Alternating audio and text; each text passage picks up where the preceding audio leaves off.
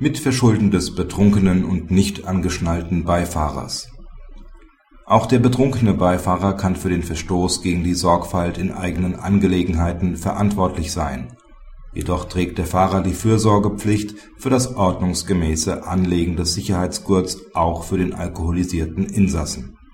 Die Parteien besuchten die sogenannten Highland Games. Der Kläger hatte vor und bei dem Fest erhebliche Alkoholmengen getrunken. Der Beklagte verursachte auf der Rückfahrt mit dem Pkw alkoholbedingt (3,14 Promille) einen Unfall, bei dem der nicht angeschnallte Kläger schwer verletzt wurde. Der Grad der Alkoholisierung des Klägers ist nicht bekannt.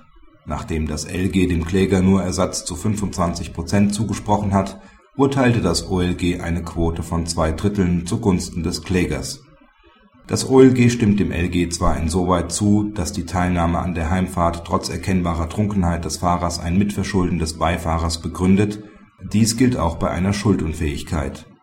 Der Mitverschuldensvorwurf gegen den Beifahrer wird dann vorverlagert und knüpft daran an, dass sich der Beifahrer zumindest fahrlässig durch seinen Alkoholkonsum in die Situation gebracht hat, in der er nicht mehr die zum Selbstschutz erforderliche Einsichtsfähigkeit hatte. Bei der Bewertung der Verschuldensanteile sieht das OLG aber die größere Verantwortlichkeit beim Fahrer. Dieser trägt auch die Fürsorgepflicht gegenüber einem alkoholisierten Insassen und hat für das ordnungsgemäße Anlegen des Sicherheitsgurts durch den Beifahrer zu sorgen.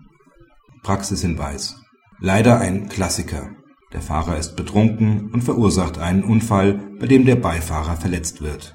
Geprüft wird, ob und inwieweit sich der Beifahrer Abzüge von seinen Ersatzansprüchen aus dem Gesichtspunkt des § 254 BGB gefallen lassen muss.